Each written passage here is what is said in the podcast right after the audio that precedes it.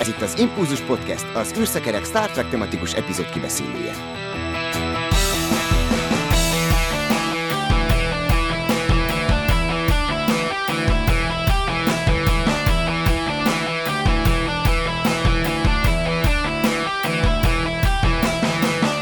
Szeretettel köszöntöm a kedves nézőket és a kedves hallgatókat. A 219.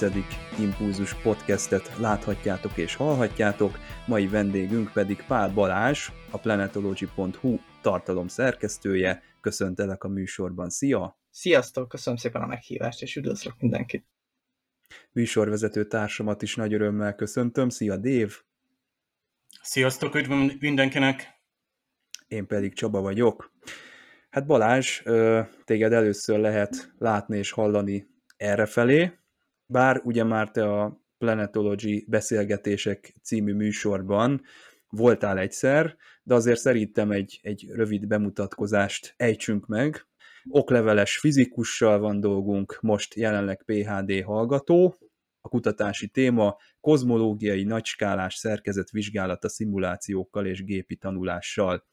Hát ez a kozmológiai nagyskálás szerkezet, ez a, ez a szakkifejezés, ez egy megfelelő beszélgetés indítónak tűnik, úgyhogy szerintem avassuk be a kedves nézőket, hogy hogy kell elképzelni ezt a dolgot.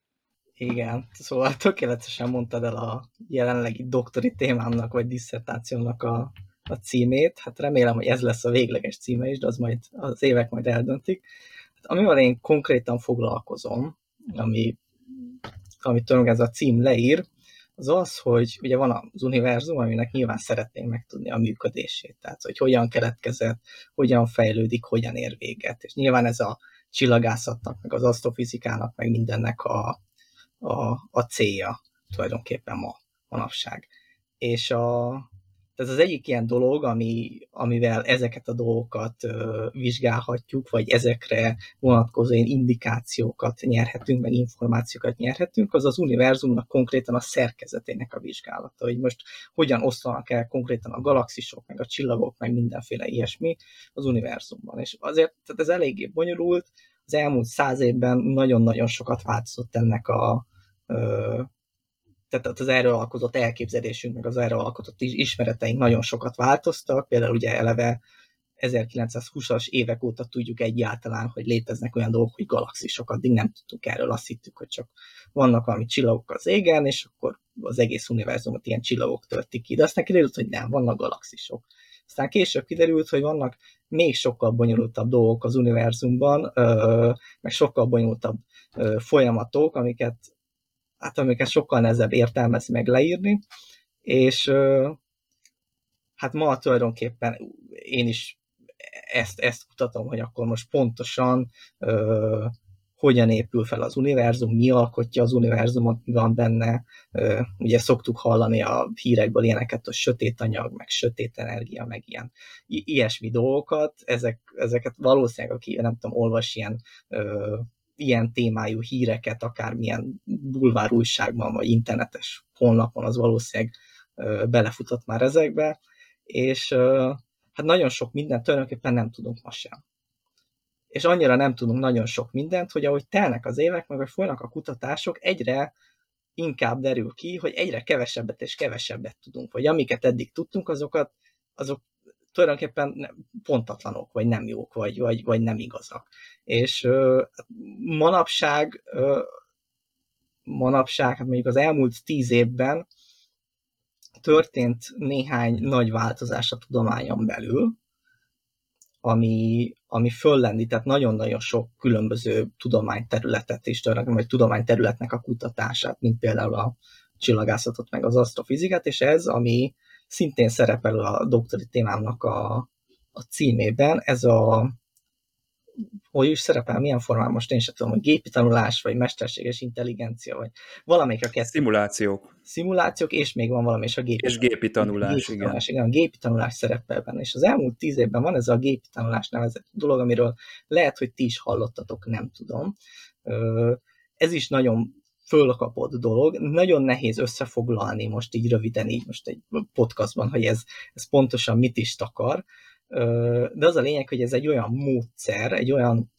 statisztikai módszer hívhatom annak, vagy egy számítógépes módszer, egy adatfeldolgozási módszer, sok mindennek lehet hívni, de egy olyan dolog,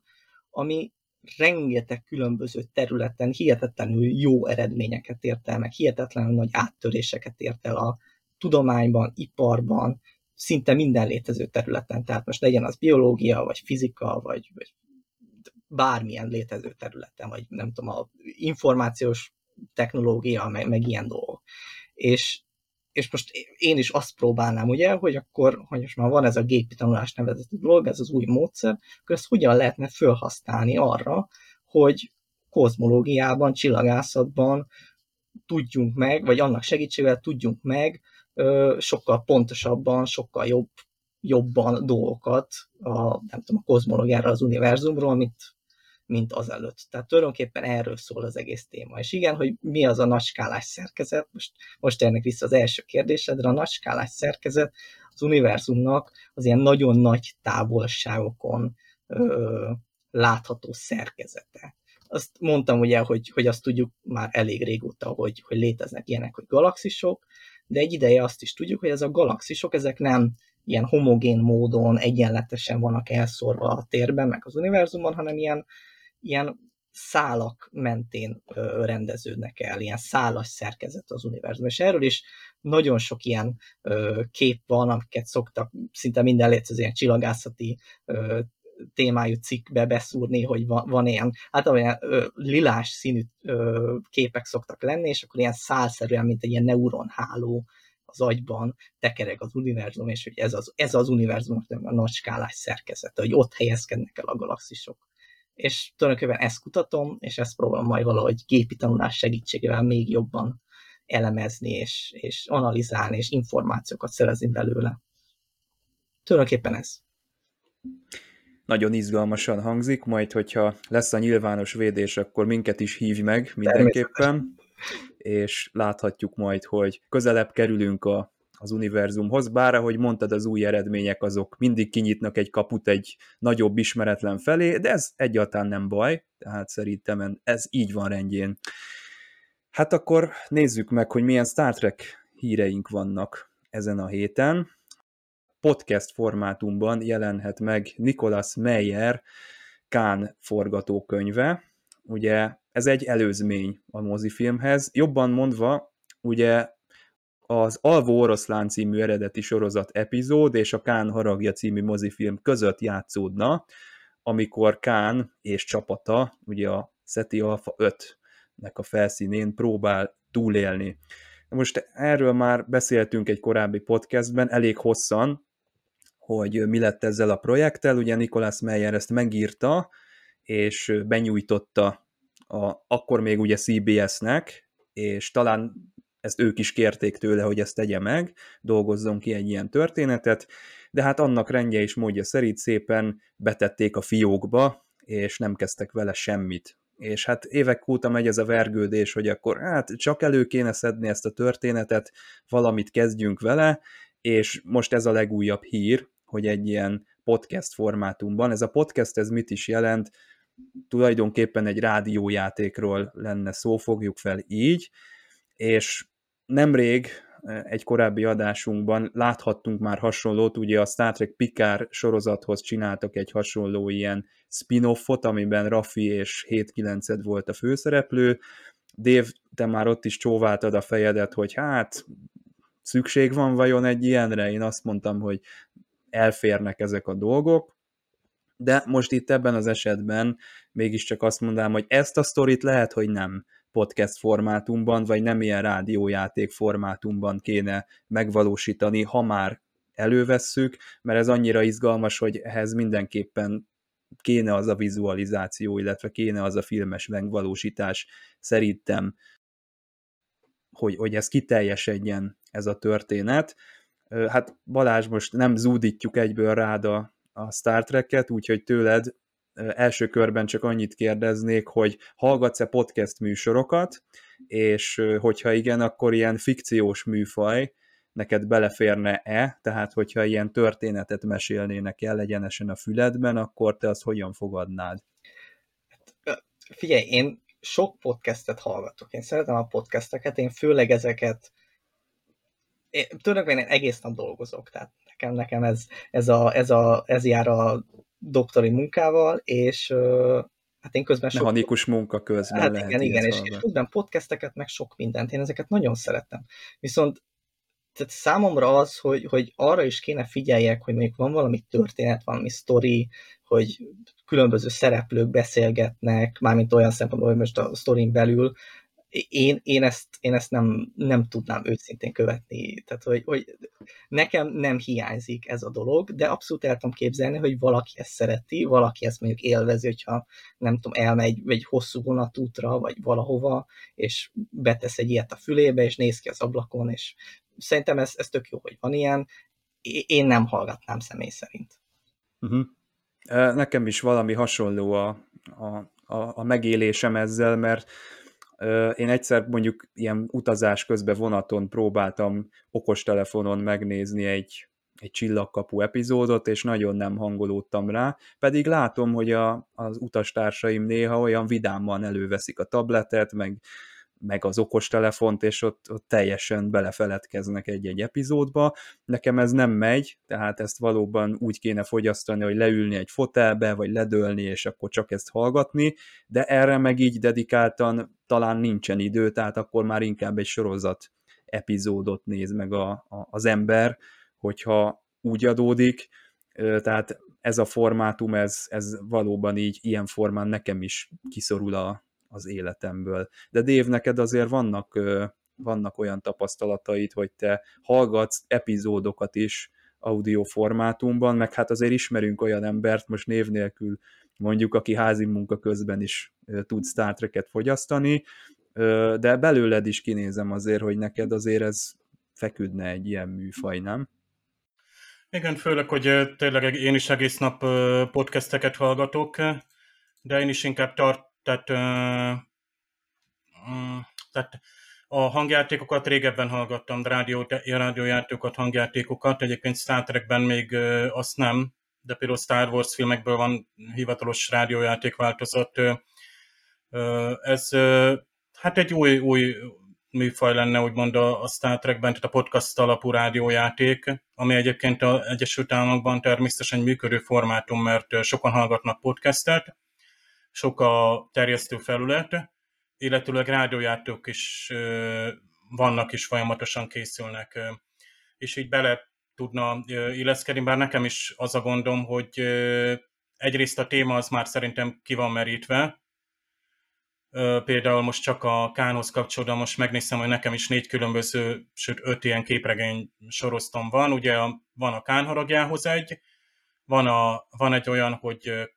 Khan Ruling in Hell, tehát Kán a pokol királya, ez ott kezdődik, hogy Körk leteszi Kánt a Tauceti 5-ön. És Ceti ott, Alpha 5. Ceti, elnézést, Ceti Alpha 5 és ott fejeződik be a utolsó füzetben, hogy megérkeznek Csekovék. És azt a pár évet elmeséli. Még magyarul is egyébként ilyen rajongói fordításban megvan ez. És a Into Darkness előtt is van egy képregény előzmény, meg utána is, hogy mi történt utána, meg még egy külön kános a Cumberbatch féle kán figurához kapcsolódóan. De persze megint a képregény az megint egy, egy szelete, ami nem kánon, de egy, egy szelete a, a Star Trek történetmesélésnek, vagy univerzumnak. Mm, hogy mondjam, én a rádiójátékokat például föléleszteném, mondtad ezt a Rafi 7-es ott az volt csak a gondom, hogy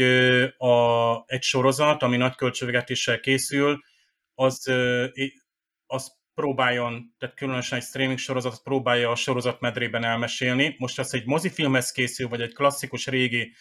ö, sorozathoz készülnek extra, lásd a könyvek, regények, stb. Star Trekben, az egy dolog, de úgymond ö, szerintem a, a streaming fogyasztók nem biztos. Hát ők, ők ugye előfizetnek a szolgáltásra, és ott megnézik a esetleg extrákat. Ha oda esetleg beintegrálnák, azt még azt mondom, hogy bár például most például Magyarországon a négy-öt évvel ezelőtt volt, vagy már lehet, hogy több is a időfutár, ami szintén egy ilyen podcast-szerű rádiójáték, sci-fi rádiójáték, ifjúsági sorozat volt, és több évad ott megélt, és még könyv is lett belőle, meg színdarab annyira népszerű lett, és azt tipikusan megpróbálta meglovagolni újból, hogy rádiójáték, plusz a kicsit tehát menőbb formátum, tehát tele volt rakva a közösségi oldalas utalásokkal, tényleg mindenhol játszódott a Szegedi gyorsítótól kezdve a CERN-ben, időutazás múltba, jövőben, és negyedórás epizódokban. Tehát ilyen módon egy ilyen szűkebb szegmensből kiindulva így ki, ki lehetne árasztani, hogy aki podcastos vonalakon nagyon mozog, ar, annak rátenni, csak már szegény Nicholas Meyer, ugye szerintem ezt a projektet lefagyasztották. Tehát, hogy ez a podcastra került, ez szerintem azt jelzi, hogy ebből nem lesz úgymond ilyen alfa, tehát kánonbeli dolog, különben nem engedték volna ezt el. Bár tudjuk, tehát van a írók írhatnak regényeket, megvan a licenc, és írhatnak bármit, tehát írhatnak a Titánról, hogy Rikerrel mi történt a TNG után, de az nem lesz kánon. És a új kánon, vagy a sorozatok még szembe ismertnek. Most lásd, a Pikás sorozatban is úgy tűnik, hogy az egész, hát most nem mondjuk el, de a Kán sztorit is, mintha odébb tették volna, eltették volna, vagy kicsit ö, módosítottak volna rajta, ö, nézőpont kérdése, plusz még a Strange New Worlds-ben is vannak utalások személyes szinten is, ami megint arra utol, még oda is bevihetnek olyan szállat, ami, ami akár időben is mozogva valahogy rávisz erre a figurára, miközben én szerintem hát nem biztos, hogy van a nagy potenciál, mert azt már régen ki lehetett volna akar használni, akkor most csináljunk egy eugenikus háborús sorozatot, filmet, vagy nem tudom mit, tehát így már ez, ez, ez, ez tudod ugyanaz, mint a, tudjátok ugyanaz, mint hogy még mindig a körkérában mozgunk a, nem tudom, a jó, ma Discovery már nem, de tehát, hogy próbálunk kapaszkodni ezekbe az ismert szálakba, és egyébként a, a Star Wars-ban is ezt látom, például olyan Boba Fett sorosztot meg se néztem, mert egyszerűen nem érdekel a figura. És szerencsére annyira megengedő a, a kánon, hogy nekem nem kell azt megnéznem, hogy bármi mást is értsek. Tehát itt lesznek a, a klasszikus kánrajongók, ők biztos rá fognak cuppanni, és ö, fog működni, és ugye egy, a, egy amerikai podcastnál ott igenis hangeffektek, zene, színészek elő fognak fordulni, tehát ott ugye rendesen földostott ugye az ilyen podcastes rádiójátékok kvázi, az teljesen ugyanaz, mint egy hangjáték, tehát egy dramat, dramatizált, tényleg rendes effektekkel megtámogatott, gyakorlatilag minőségi hangzóanyag lesz. Tehát hajrá, nem az én, nem én vagyok a célközönség itt. Most már röviden lezárom itt a tehát nem siránkozok, nem fogok elkezdeni ö, ö, ezen keseregni, hogy ó, miért készül egy újabb mozifilm. Készüljön, mert színészeket fog foglalkoztatni, új sztorikat fog hozni, és egy teljesen új, új szátreket hozhat, ami még a, a régi rajongókat is előbb-utóbb be fogja vonzani. Most lásd a Strange New world ami szerintem nagyon jól megmutatta azt, hogy egy teljesen új Star Trek hogyan tud klasszikus elemekkel egy régi anyagokat is teljesen működőképesen aktivizálni. Ezt már azon kívül mondom el, tehát nem hozzá kapcsolódik, vagy nem szorosan, hogy a, James Fellow-nak jelent meg, nem tudom most mi a angol címe, németül, de révége ott, vagyis az örök, örök hely. Ami Calvert Dokinak a, hát nem kalandjait, hanem a életét, vagy nem életét, amikor ugye a micélium hálózatban volt ja. rekedve, abban a, nem tudom, másik, harmadik évad között, tehát valahol ott mélyen lent, még most sem tudjuk, hogy hol, és ott a, a tehát a Hugh Calvert doktorról szól, és a németek megcsinálták, ez egy rádiójáték sorozat, a németek megcsinálták, és ott maga a Benjamin Stőve adja elő a német Calvert Rocky német hangja, és ebből csináltak felolvasást, plusz ki is adták, plusz most most jött a hír pár napja, hogy egy moziban is valahogy lesz valami felolvasás, vagy valami event, ahol ezt bemutatják, tehát hogy ilyen podcast vagy rádiójáték, mint ilyen teljesen ilyen műfajok közötti átmenet, ez úgy tűnik, hogy, hogy működik, ha van ha elég nagy piacod van, és ott elég, elég olyan rajongót tudsz összedni, akik ilyen erre nyitottak, akkor ez, ez totál működhet. De egyébként, hogyha nincsenek ilyen effektek, ugye akkor szó lehet egy ilyen felolvasásról, vagy egy ilyen table read műfajról, ebből is sokat látunk különböző sorozatok esetén, de azokkal is úgy vagyok, hogy jobb ezeket képpel együtt látni. Tehát úgy, hogyha én azt csak úgy hallom, akkor az, az úgy valahol el, el fogom veszíteni a fonalat, és nem, nem fogom tudni követni, ha közben dolgozom, vagy valami mást csinálok éppen. Mondjuk beágyazható szerintem egy ilyen podcast vagy rádiójáték nyelvtanuláshoz, ilyen ha van olyan fiatal ember, aki Star Trek rajongó, akkor esetleg, és teljesen ugye erre koncentrálva ö, próbálja ezt hallgatni, akkor, akkor az egy felhasználási terület, de hát ez egy olyan szűk szegmens, hogy ö, így átadni egy, egy eddig nem kiadott történetet, az azt hiszem, hogy túlzásnak nevezhető. Én ezt csak annyit fűznék hozzá, amit az előbb mondtál, hogy, hogy ez sci-fiben azért a látvány az nagyon fontos szerintem. És hogy itt pont, pont az, az veszik el. Figyelem! A műsorban spoilerek bukkanhatnak fel.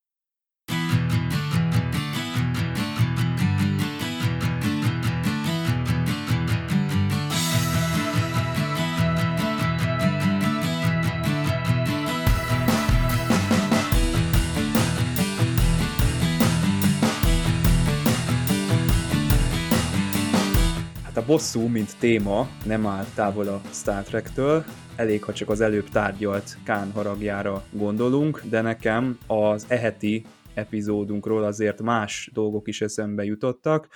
Eredeti sorozatban van például egy Let That Be Your Last Battlefield, ahol ugye nem tudták elengedni a főhősök a gyűlöletet és a konfliktust, de nagyon erősen itt villog nekem a király lelki ismerete is, ahol szintén egy ilyen háttérben húzódó gyilkosság sorozat. Szerintem ott is egy ilyen csinos hölgy volt az, aki vadászta ott az embereket, ott nem egy ilyen bosszú szerű történetről volt szó, de azért mégiscsak ebben a tekintetben láttam hasonlóságot ehhez az epizódhoz, ami pedig nem más, mint a The Vengeance Factor, magyarul gyilkos múlt, erről lesz most szó, továbbra is Pál Balázs és Dév társaságában fogok erről beszélgetni, én pedig Csaba vagyok. Hát először Balázshoz fordulok, hogy hogy állsz a Star Trekkel, mint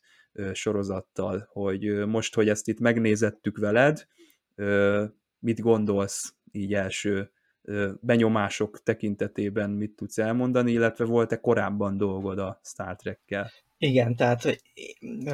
ez, erről beszélgettünk Csabával egyébként műsoron kívül. Én kiskoromban sok Star Trek-et néztem, amikor kicsi voltam, és ez annak tudható be tulajdonképpen, hogy édesapám nagyon nagy sci rajongó volt mindig is. És valamelyik... Nem csoda, hogy fizikus lett belőled. igen, igen. Hát egyébként tényleg van köze hozzá. És valamelyik csatornán adták a Star Trek részeket, és pont a, a, a New Generation részek voltak főleg valahogy műsoron akkoriban, és szinte minden nap ment a tévében, én is minden nap néztem édesapámmal együtt, még kicsiként, és úgy azért hozzászoktam, tehát én, én szerettem, én abszolút élveztem kicsiként. Aztán eltelt így, nem tudom, 15 év, amíg így így kimaradt a Star Trek az életemből addig, és tulajdonképpen igen, most, most néztem újra először, ilyen sok idő után egy akkori részt. És abszolút nekem nosztalikus volt abszolút olyan szempontból, hogy ismert színész, akiket, vagy színész, akiket ismerek, és egy világ, amit ismerek, és egy sztori, de így is annyira nagyon újszerűnek hatott ez az egész. Nekem, nekem tehát az első benyomásom ez volt az egész, egész részről, mint így, mint így a Star Trek-kel kapcsolatban.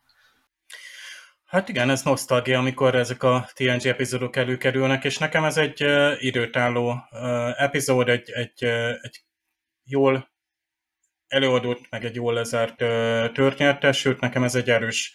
Star Trek epizódnak uh, számít. Ugye persze lehet mondani, hogy itt, itt az űrrokkerek és a, a, tehát a jellegzetes háttér, tehát ez a kicsit, nem is tudom, cyberpunk, de kicsit ilyen steampunkos is voltak, voltak például ezek a ruhák. Tehát azok például nekem nagyon tetszett. Tehát amikor a Star Trekben ilyen, ilyen vadhajtások előjönnek, és így mintha ö, tényleg próbálkoznának akár a látványtervezők. Ö, írás szempontjából úgy érzem, ez egy klasszikusan megírt epizód, tehát ö, jól föl van vezetve egy, egy, egy, egy konfliktus, és a klasszikus diplomáciai, tehát békkötési epizódból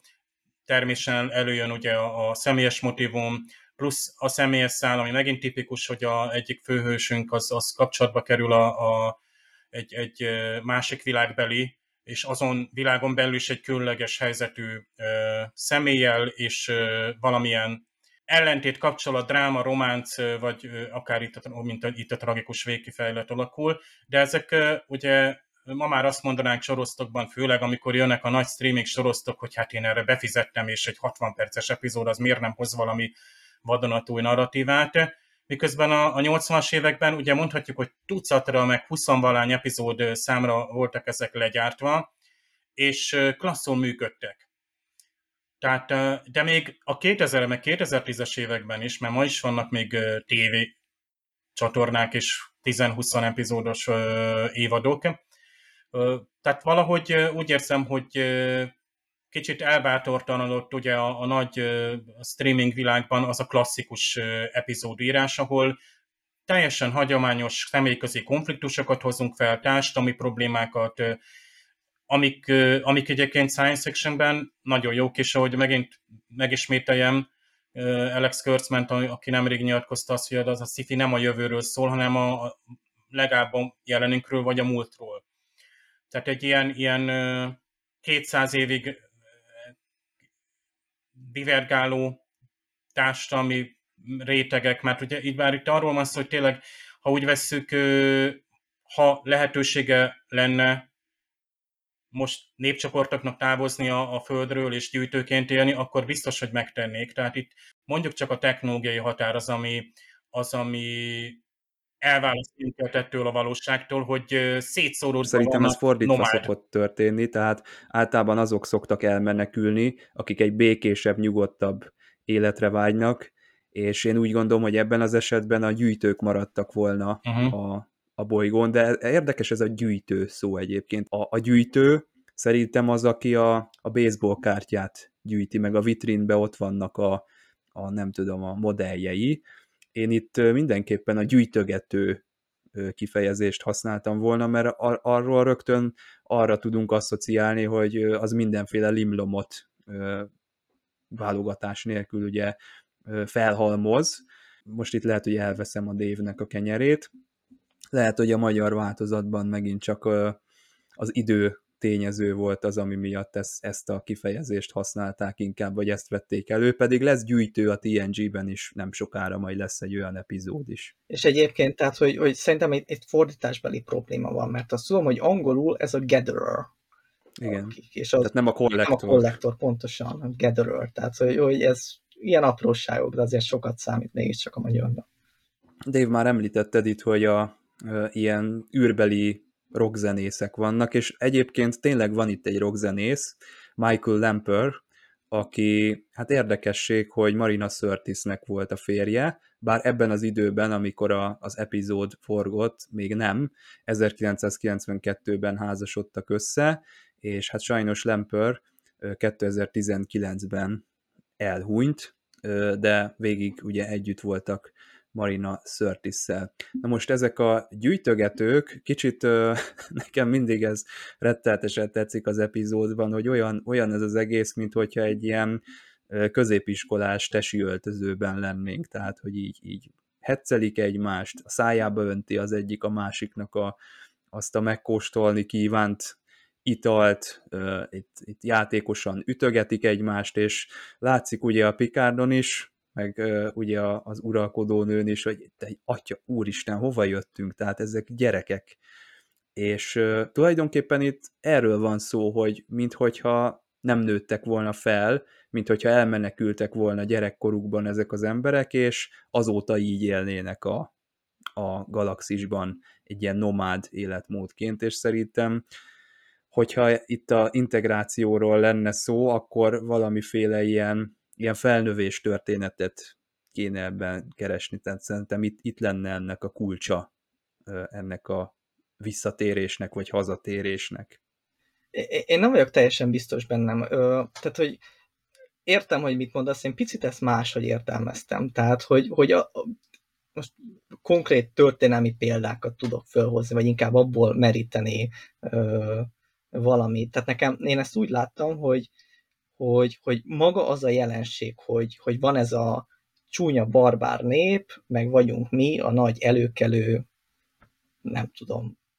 akármilyen előkelő nép, és akkor van ez a csúnya barbár nép, és akkor mennyire összeférhetetlen ez a két dolog. Most arra gondolok, hogy nyilván, hogy a történelm során nagyon sokszor olyan volt, vagy volt olyan eset, hogy, hogy hogy nem tudom, az egyik népcsoport azt gondolta a másikról, hogy aki ott élt a szomszédon, hogy mennyire barbárok, és akkor a barbárok is, vagy a másik népcsoport is arra gondolt, hogy a, nem a másik szomszéd az a barbár hozzá képest. És hogy én picit azt láttam ebbe az egészben, hogy itt az történik, hogy van most nem tudom, az egyik, ezek az akamárik, az akamár bolygón élők, akik és, és vannak a gyűjtögetők, és a gyűjtögetők az mintha egy ilyen, hát ne, ne, nem, nem tudok jó szót őszintén, mint egy ilyen kisebbség tulajdonképpen itt az Akamár bolygón, vagy nem, nem, nem, nem is tudok jó szót tényleg erre. És akkor őket vetette ki magából a társadalom. És őket vetette ki, tehát pont, pont amit, a, amit az előbb mondtál, hogy lehet, hogy, hogy nem a gyűjtögetők fognak elmenni a bolygóról, hanem pont az, uh-huh. akik jobb, jobb életet akarnak, hogy pont a történetben pont fordítva szokott lenni, hogy azok, a, akiket kivet a társadalom, ezek, ők kényszerülnek arra, hogy, hogy elhagyják a, azt a területet. És, és én, én ezt, a, ezt az ilyen, ennek a kettő dolognak az ütköztetését láttam ebben, a, ebben az epizódban. Én azért, azért következtettem arra, hogy, hogy fordítva történt, mert ugye itt azt mondják, hogy a, az egész bolygó tulajdonképpen így működött, így viselkedett egy, egy klánháborúktól terhelt és egy, egy, ilyen, egy ilyen konfliktusos helyzet volt, és ez egyszer csak úgy oldódott meg, hogy ketté szakadt a társadalom, és ugye akik háborúztak, azok, azok elmentek, akik meg békében szerettek volna élni, azok meg ott maradtak. Persze lehet, hogy ez annyira egyszerű a dolog, hogy kevesebben voltak azok, akik folytatták ezt a háborúskodást, és akkor a többség tényleg valóban ezt megelégelte, és azt mondta, hogy jó, akkor nektek nincsen maradásotok ezen a helyen. Igen, ugye erről nem, nem tudunk meg tulajdonképpen sok infót, tehát nem az egész hátteréről. Ugye vannak egy-két ilyen információ, ami ugye a történet szempontjából fontos, de ilyen hát egyéb háttérinfókra nagyon nehéz következtetni ennyiből. Hát mindig ez van, hogy egy több évszázados konfliktusban könnyű, tehát például Picard, aki alapvetően egy több eleve egy több, több fajból, azok békés együttéléséből álló föderációt képvisel. Tehát ő neki ez, ez ultimatív és egyértelmű, hogy le kell ülni, vagy le lehet ülni tárgyalóasztalhoz. Még itt ugye ilyen, ilyen benragadt klán konfliktusokat kiegyenlíteni, tehát itt, itt nem is csak a, a, a mostani akamaritásomról kell beszélni, hanem arról, hogy tehát ugye ez a divergálás elindult, tehát szétnyílt ugye ez az olló, hogy, hogy, hogy hagytunk, hogy egy, egy másik életmód berögzüljön. Tehát nincs az, amit még most a Földön is mondhatunk, hogy tehát gyakorlatilag végül is a legelhanyagoltabb területe is a Földnek valamilyen szinten most megvan lehetőség az, hogy, hogy be tudjanak lépni a, a úgymond egy akár életszínvonalban, vagy kulturális kölcsönhatásban, tehát láss például most ott lesz a több ezer Starlink műhold, és jó, nem olcsón, de valamiképpen olyan területekre is tud internetet vinni, és egy olyan innovációt, mert lásd, interneten keresztül majd teszem azt, mezőgazdasági tevékenység fog majd egy sokkal hatékonyabb szintre emelkedni, tehát olyan gépesítés következhet be, teszem azt, amivel jobban el tudják látni az ottlagokat élemmel. Tehát ilyen módon például egy, egy föderáció belépése, amelyik egyrészt egy, egy, egy békés, sokszínű társadalmat képvisel, másrészt egy technológiát, ez meg tudná oldani ezt, csak az abban egy Pikár, csak itt ők csak konfliktus kezelőként működnek. Tehát Pikár itt, itt ki is mondja, amit egyébként csúnyán a néző szemébe mond, hogy ő már 6 hét múlva, vagy nem is tudom, ő már nem szeretne itt lenni és hogy ezt több Star Trek epizódból ismerjük, ez nem egy ilyen flagmasság, hanem itt, itt gyakorlatilag ő, mint zászlós hajó, ő egy ilyen, ilyen tehát itt egy tűzoltó munkát végez, vagy hát egy konkrét diplomáciai tevékenységet, és azután itt majd ez mind folytatódik, ahogy lásd például egy kapcsolatfelvétel után is, majd ott mennek, ahogy szoktuk mondani, mennek majd az orvosok és a tanárok és a mérnökök, és szépen akkor ott bevezetik, amennyiben igénylik a, az ott lakók a, a föderációs technológiát, vagy az elérhető vívmányokat. Csak itt, itt mit akarnak végül is? Itt ez a gyűjtőknek a társadalma, ha úgy vesszük, ez működik. Tehát itt, itt ez a kvázi ezek a fosztogatók ugye itt a hogy is mondjam, tehát amit ugye a Wesley az, az csípőből elítél, tehát hogy hiszem maguk lopnak. És akkor egy jó picit elbeszélgetett a, a Brullel, vagy csak ki ez a fő, Brull. Brull. Ö, akárhogy is, de, tehát itt Vezi sokszor képviseli ezt, hogy hát a klingonok hogy néznek ki, meg a nem tudom, halfejűek jöttek már megint az Enterprise fedélzetére. Tehát sokszor képvisel ezt a nem tudom, 20. századi, hát 20. századi, meg ez éppen, hogy a 90-es évek előtt jelent meg ugye ez az epizód, akárhogy is, azt a ránézést, hogy hát itt, itt ezekkel meg mi dolgunk. Viszont a föderáció, azt tehát a rodemberi pont ezt próbálja elplántálni itt bennünk, itt a múltba visszaszól rodemberi, hogy hát figyelj már, hát azért itt, itt kvázi nagyon sok kultúra ér együtt a, föd, a föderáció, azért tud ö, olyan erővel, vagy úgymond olyan morális kényszerrel, nem tudom, ilyen, ilyen világnézteket ö, hát elhinteni, vagy ilyen a békének egy bizonyos eszményét föntartani, mert olyan sokféle fajból áll. Illetve minél többből fog állni, tehát minél többféle népség van összehordva, vagy összegyűlve a föderációban, annál jobban tudja képviselni a föderáció azt, hogy te is ide tartozhatsz, és hogy itt ö, olyan sokszínűség van, olyan diversitás tényleg, hogy, hogy hogy nem fogjuk elnyomni a te saját kultúrádat. Lásd, a klingonok ugye miért nem részei a föderációnak, mert ugye tényleg féltik akár a klingon kultúrát is. Kvázi ők is egy ilyen kicsit ez a portyázó, ez a, nem a rablóban, de mert végülis ott a Klingon becsület kódex az erősebb ettől, de ha úgy vesszük, tele van, meg ha megnézel egy, nem tudom, egy Marvel univerzumot, most csak a galaxis őrzőre gondolsz, ott, ott most tudom, hogy trédereknek hívják ezeket a fosztogatókat? Tehát ott is ilyen betyárbecsület van, egy ilyen, ilyen nem tudom, szinte ilyen szertartás szinten egy ilyen olyan összetartás, meg klánok vannak kvázi, és nyilván ott is csak felszínét mutatják be annak a kultúrának, csak az van, hogy az működik, és abból ők igazából nem akarnak azt a fajta jólétet, amivel ők találkoznak. Tehát ők ilyen hordákban, hát most fosztogatnak, vagy kereskednek, akárhogy vesszük, mondjuk azt, hogy működnek. Tehát itt igazából Pikár tényleg fogja magát, és tényleg fölállhat, és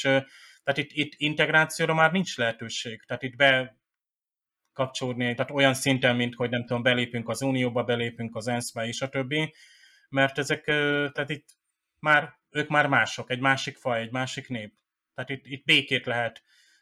ne kötni, de nem, nem, nem vissza tehát nincs, szerintem nincs, nincs ilyen vissza, visszafelé mutató út, hogy vissza az a kamari társadalomba. Ez És hogy a szigetet adnak nekik, mint ahogy a tárgyaláson elhangzott. Tárgyaláson, vagy egy földet. Persze, hogy ki, kinek mennyi képviselő lesz. A Haven, vagy melyik epizód volt, amikor a Riker ez a nem tudom milyen, nem ruhában volt, hanem a Ja, Angel az van. az Angel van. No, ott is volt egy ilyen leszeparált, tehát elkülönülten élő, hát a férfiak, ugye a, a nő fejlett női társadalomtól leszakadva élő férfiak, akik nem átallottak ugye családot alapítani és klasszikus módon ugye élni. Tehát ott is ők gyakorlatilag nem kívánták, azt nem akartak beilleszkedni a, a társadalomba. Hát nyilván ez, ez most egy megoldás lenne, ugye Pikár is azért siet, mert neki az a dolga, hogy megoldja ezeket a fosztogatásokat, meg ott, mintha mondta is volna, hogy kereskedelmi útvonalakat vágtak el, tehát ő, ő ezt el, el, elkezdi, elindítja ezeket a tárgyalásokat, de a maga részéről ő, ő nem szeretné ezt, ezt végig csinálni, vagy itt heteken, hónapokon keresztül ugye ott ülni a tárgyalóasztalnál, tehát ez menjen a maga útján, aztán onnantól kezdve neki szerintem már mindegy, hogy ők most egy szigetre fognak költözni, vagy elszaparáltan a társadalomba fognak élni a gyűjtők, csak az a lényeg, hogy ne ott a, az űrben randalírozzanak, de azért, azért használtam az előbb ezt a gyerek hasonlatot, mert én mintha láttam volna Brul szemében is, és Csorgan arcán is azokat a pontokat, amikor itt kőkeményen megtörténik a felnövés. Tehát összecsapnak ugye a, a, az epizódnak az elején, de lehet velük beszélni. Egy kicsit kéretik magukat, röhögnek, visszaszólnak, szemtelenek ugye az uralkodóval, céloznak rá, hogy ő milyen öreg, mert már száz éve is ugye itt volt, de, de valójában azt látjuk, hogy ők hajlanak a megoldásra, és szeretnék ők is ezt megoldani, és van bennük arra készség, hogy, hogy együttműködjenek. Szerintem ez, ez egy társadalomnak, vagy egy társadalomi csoportnak a felnövés története lehetne, hogyha lenne rá elég idő az epizódban, és kicsit szerintem itt meg is sínyli a párhuzamos szálaknak a, az összesűrítését a, já, a játékidő miatt maga az epizód, mert ugye itt van Riker és, és, és hát a bosszúálló angyal, vagy nem tudom, hogy hm. hogyan hívhatjuk ezt a, ezt a fajta cselekedet sorozatot itt a képernyőn, bár csak egy dupla epizód lenne ez, mert az, ami a végén történik a, ott a tárgyaláson, az, az így is elég megrázó, de hogyha látnánk egy igazán jól működő, egy igazán jó kémiával összerakott ilyen, ilyen románcot, akkor, akkor ez fantasztikus lenne, így is jó, de, de azért érezzük a limitációit a 45 percnek.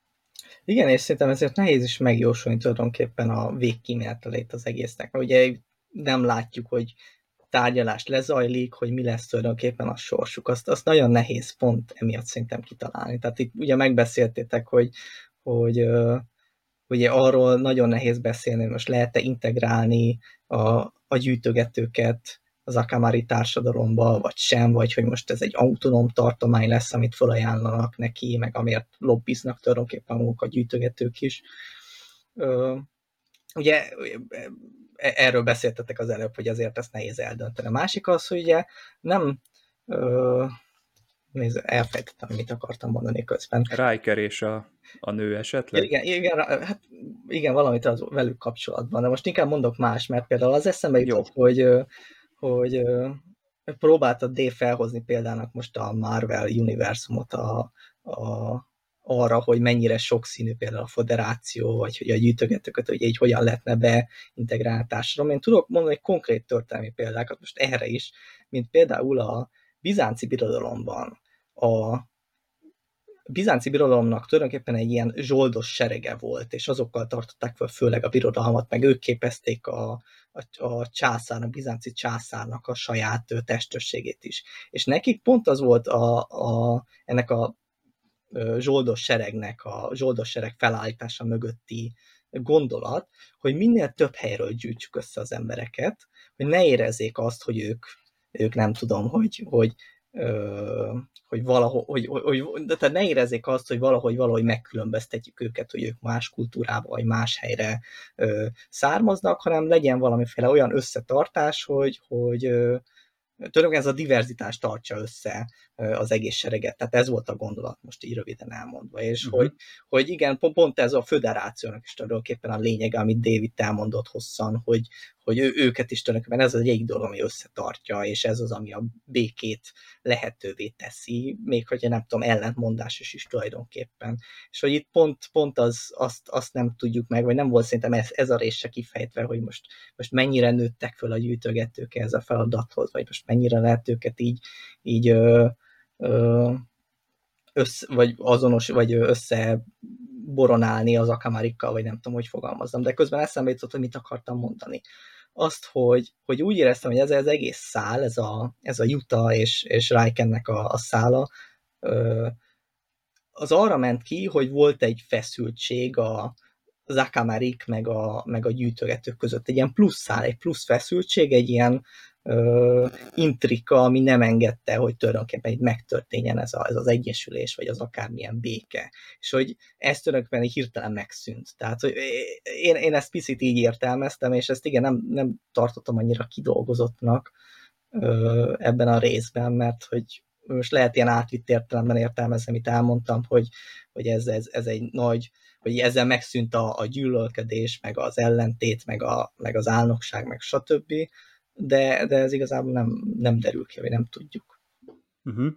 Pedig ez a Juta, ez egy nagyon érdekes karakter, mert uh, Riker is kérdezgeti, hogy mi ez a, miért szolgál, ugye, és uh, mintha valami olyan választ adna, hogy ő teljesen szabad ember egyébként, tehát hogyha kedve tartaná, akkor elmenne onnan, vagy nem ezt csinálná és egyfajta ilyen vezeklésként értelmeztem én ezt, hogy ugye ő nem érdemli meg az örömöt, amikor Rikernek bemegy a kabinjába, ő azért van ott, hogy kiszolgálja az embereket, Tehát ő, ő neki szerintem elveszett a lelke, a bosszú, az, az elemésztette őt, és ezzel ő is tisztában van, és lehet, hogy, hogy bünteti magát, tehát nekem egy ilyesmi ilyen viselkedés bontakozott ki, vagy, vagy valami ilyesmire következtettem az ő, ő, ő megnyilvánulásaiból. Nekem egyébként nagyon sok mindenről eszembe jutott, eszembe jutottak hasonló gondolatok a, a résszel kapcsolatban. Én picit úgy érzem, hogy, hogy, hogy amit, amit szerintem említettek, említettetek is, hogy jobb lenne, hogyha ez egy dupla epizód lenne, ez az egyik. A másik az, hogy, hogy szerintem azért nagyon sok mindenben szenved, bocsánat, hogy most rossz dolgot mondok a Star trek de hogy nagyon sok mindenben szenved az ilyen, úgy, én úgy hívom, hogy ilyen régi film szindróma, hogy, hogy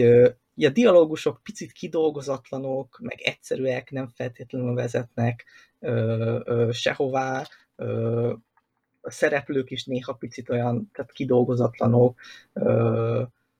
úgy érzem, hogy néha ilyen inaktívak, vagy ilyen kellemetlenül, nem tudom, későn reagálnak dolgokra, és hogy mégiscsak be van limitálva, ez egy, ez egy 45 perces, 45 perces epizódban az egész, Igen. hogy ilyen nagyon sok technikai akadálya volt már hát nem tudom, mondjuk 80-as évek végén mennyi technikai akadály volt, de én picit úgy éreztem, hogyha mintha, amit elmondtam, ez a régi film szindróma, hogy, hogy nem tudták annyira kidolgozni a filmet, hiába volt esetleg jól megírva, egyszerűen nem tudták megvalósítani. Uh-huh. Ezt maga a rendező is megerősítette, vagy összecseng, amit mondasz az ő nyilatkozatával. Timothy Bond egyébként, aki két Star Trek epizódot rendezett, ez az egyik, a másikat meg majd a jövőben meglepetés lesz, hogy melyik az. De ő is azt mondta, hogy sok olyan párbeszéd volt, amit nem tudtak használni, vagy ki is töröltek a, a történetből, mert egyszerűen, minthogyha egy ilyen olvasónak írták volna, vagy egy ilyen rádiójáték hallgatónak, pedig ugye, hogyha valamit meg kell csinálni, azt csináljuk meg, és nem mondjuk ki, hogyha már a képernyőn vagyunk, főleg, hogyha science fiction műfajról van szó. Ezt én kicsit ott a, a vírusnak a bemutatásánál éreztem egyébként, amikor a Dr. Crusher prezentálja Riker számára, hogy na, itt van a, a, a dolognak az okozója, és akkor hú, hát ez egymillió, a, egymillió akamariból egyet fertőz meg, és akkor szerintem itt ez elég is lett volna, tehát hogyha itt lezárják a párbeszédet, akkor mindenki érti. De nem, ott még, hát akkor ez azt jelenti, hogy hogy ezt mesterségesen csinálták, igen, és akkor már itt is jó, tehát már itt is le lehet zárni, de még, még jobban ugye tovább megyünk, és Dr. Crusher azt is mondja, hogy tehát valaki meggyilkolta, tehát vannak ilyen ilyen párbeszédek valóban. Ezt külön föl is írtam magamnak, két, két példát is felírtam erre magamnak, mert ez annyira, annyira, hogy mondjam, szembeötlő volt, hogy törögen azt írtam, hogy, vagy, vagy, vagy azt írtam, hogy, hogy nagyon sok szereplő vagy dialógus olyan, mint hogy a szereplők olvasnák egymás gondolatát. És akkor volt, volt igen ez az egyik, ez a, ez a amikor beszélnek a vírusról, a másik, vagy volt még másik kettő, és az egyik szerintem fontos is, mondjuk az elsőt most elmondom az, amikor az elején ott leérkeznek abba a gyűjtögető áll, raktárba, vagy akárhova, nem is tudom, hogy hova ö, sugározzák le őket, és akkor ott van egy ilyen kis tűzpárbaj a gyűjtögető vezető, ugye ez a Brul, meg a, meg a ö, Enterprise legénysége között. És akkor ott van egy jelenet, amikor, vagy van egy dialógus, amikor uh, Riker megkérdezi, hogy mennyi a nem tudom milyen anyagnak az olvadás. Igen. És akkor válaszol neki Déta, hogy 2300 Celsius. És akkor egy harmadik mondja, hogy oké, okay, akkor állítsák hetes fokozatra. És akkor mit állítsunk hetes fokozatra, ez, ez hogy jön ide logikusan? És akkor egyből mindenki tudja, hogy meg kell lőni, rá kell lőni azokra az akármilyen roncsokra, amik ott hevernek, és akkor megolvad, és akkor elterik a figyelmüket. Így ez is egy ilyen teljesen ilyen gondolatolvasós rész volt. A másik pedig a legvégén, amikor ugye Jutának a halála történik,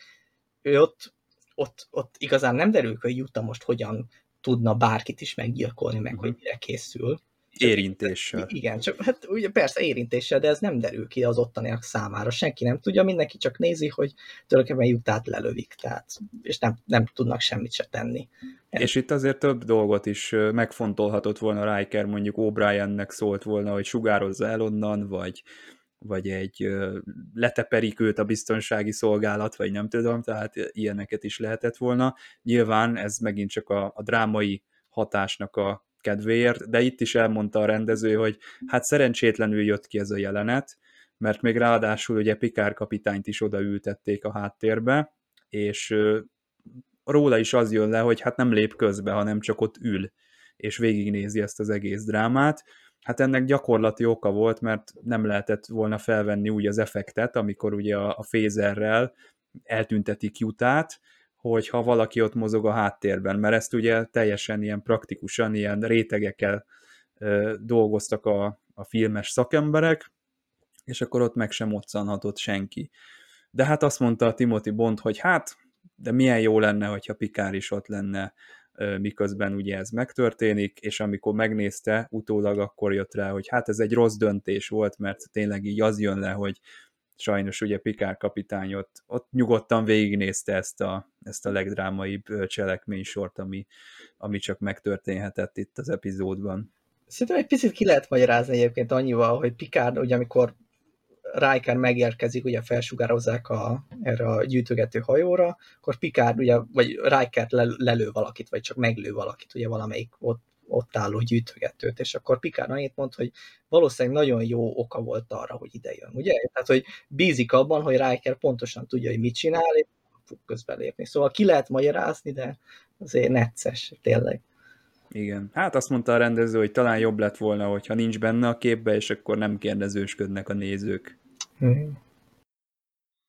De Riker rendelkezik az információval. Most ugye tehát a TNG-nek ez a, a dramaturgiája arra épül, hogy a néző az már egy, egy ismerős közegben jár. Tehát ez kvázi, tehát tényleg itt, itt szinte verekszik a ugye 60-as évek a tipikusan színpadszerű színrevitel vagy, vagy kidolgozása a jeleneteknek,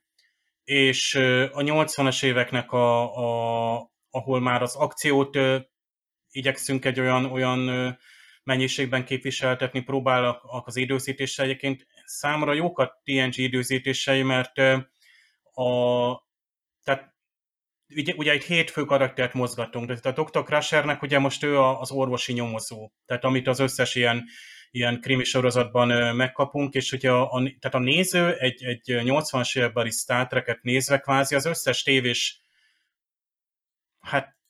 műfajt megkapta, tehát próbált már egyébként a, a, az eredeti sorozat is mozogni ilyen különböző zsánerekben, néha egész rosszul, néha azért jól, de a, szerintem a 80-as években ez, ez nagyon jól működött, mert a, a nézők szerették a kórházi sorozatokat, a krimi sorozatokat, a, a Baywatch, a Night Rider, tehát egy kis technológia, egy kis magyarázat van, ahol túl van magyarázva a technológia, tehát kicsit több, több réteg is oda van dobvalás itt az anyagnevekkel, amikor már a harmadik idegen anyagnév hangzik el, érzem, hogy ez már nagyon TNG. Tehát én, mint aki nagyon szeretem, én jól el vagyok vele, de, de esetleg ez idegen lehet, hogy már nem is tudom, hanyadik anyagot mondják, és tényleg azt, hogy tényleg kitalálják, hogy akkor ezt el kell párologtatni, majd megolvasztani. Egyébként ott rögtön rámondják a gyűjtők vagy gyűjtögetők, hogy covered, tehát gyáva, nem is tudom, mit, mit mondtak a magyarban. Leönti egy, nem is tudom mivel ott azt a, azt a füstölgő Ja, és oda is önt, tényleg, mint az ilyen, nem tudom, a, ilyen, nem tudom, nekem ezek a USA ilyen rednek, tehát alaszkai aranyások, meg a nem tudom, opálvadászok, meg nem is tudom, ilyen tehát Ausztráliában, meg fönt északon, akik tényleg e-, ezekkel, tehát gépekkel dolgoznak, de közben ugye a leg, legvadabb módszerekkel ugye próbálják ugye a természetből kinyerni azokat a fémeket, meg anyagokat, meg értékes dolgokat. Tehát itt, itt, itt, itt a, a TNG-ben szeretné hallani a néző, hogy a Dr. Crusher itt szépen lépésről lépésre, és ilyen tényleg így a párbeszéd, ez tényleg teljesen olyan, mint hogy ezt egy leírásban is föl lehetett volna sorolni, és sokszor érezzük, hogy a szereplők, amikor ilyen képernyőkről olvasnak le adatokat, így a nézőnek adagolják a háttérinformációt, tehát tényleg ilyen regényszerű a, az egész. hogy nagyon jó TNG regények vannak, de némelyik unalmas. A TNG regényekben néha rákerül a, a széken, és ö, így megfeszíti a vállát, és másfél oldalt leírnak hozzá, hogy közben mit gondolt, és a, nem tudom, a, azon gondolkozott, hogy már régen kapitány lehetne. Az első évadban ilyeneket tettek a Riker fejébe. Most itt viszont, hogy most már rátérek erre a Picard Rikerre, tehát ez a Picard, Picard csak ül és néz, ugye ez az szereplők ülnek és néznek, és oda néznek megint 80-as évek, de hogy Picard ül és néz, ez gyakorlatilag nem a passzivitás, hanem ez a, a lojalitás, vagy inkább a bizalom jele, tehát ő ismeri Rikert. Tudja, hogy Riker nem hiába jött le, információja van, döntő információja, és konzultált azokkal az emberekkel, tehát is itt jön ez a, a, a történeti, meg tudományos, meg nem tudom, blabla, amit ott a, a hídon, ott a Data, meg a Crusher, meg a Riker összeraktak, hogy azzal a táskával megy a Riker, hát olyan információ halmazzal, amivel ő gyakorlatilag ö, ö, ultimatív módon azonnali akcióra van feljogosítva. Tehát úgy így működik az Enterprise, hogy néha Pikár is fogja magát, és azt mondja, szüntessék meg a kapcsolatot egy idegen éppen támadni készülő hajóval, és olyan kockáztat vállal a néző szemében, majd Pikár, mint kapitány, így félre söpli a kormányost, és ő ül oda a kormányhoz milyen jogon, mert lehet, hogy ő 20 éve volt aktívan kormányos, de bízunk a kompetenciájában, vagy hogy adott helyzetben ő lesz a, az akcióhős, meg a szuperhős, tehát már itt, itt lehet látni ugye ezeket a, a későbbi ugye szuperhős, meg képregény zsánereknek a, a, az attitűdjeit, hogy a, a egyes szereplők indokolatlanul nagy hatalmat kapnak bizonyos szituációkban, de annyira megvan a körítése, tehát a TNG-nek ez a közege, ugye puha szőnyegeken mozgunk, a hajón minden rendben van. Tehát a tehetetlenségi csillapítók, a, a hajtómű duruzsol kellemesen, 8-as fokozattal haladunk a következő békés küldetés felé, ahol majd nem tudom, orvoskezkőket szállítunk le, lásd epizód vége. Tehát ez a nézőnek az alapérzete is. Egy ilyen konfliktusban, amikor ilyen éles akció van, akkor meg abszolút megbízol abban, hogy egy Riker nem fog hülyeséget csinálni, már Rikernek lesznek húzásai, majd lesz például az Outcast nevű vagy című epizód, ahol szintén egy, lesz egy románc, ahol ő megint gyökeresen lást Trip és a volt az a nemközi, ahol megint egy, egy kvázi romantikus, vagy de, de mindenképp egy személyes érdeklődésből kifolyólag az egyik főhős úgymond átlépi a saját határait, meg a föderáció, meg a csillagflotta által kijelölt ösvényt, hogy te itt nem avatkozhatsz be, mert erről szól az egész csillagflotta, hogy mi vagyunk a föderáció kvázi végtelen hatalommal, meg végtelen morális felhatalmazással, de pont az a lényeg, hogy nem megyünk oda mindenhova, ugye ez a szokásos csendőrt játszani,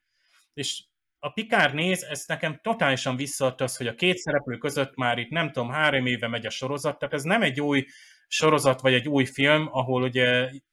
aztán jönnek a, tudjátok, nem tudom, rajongói, hogy most a, a Kenobi most nem Kenobisan viselkedik, mert már több évtizedes háttere van. Most a Riker, az Rikeresen viselkedik, tehát keményen akcióba lép, a Pikár meg nyugodtan viselkedik, de ismerünk egy ilyen pattogós Pikár, amikor ő, ő csinálja ugyanezt.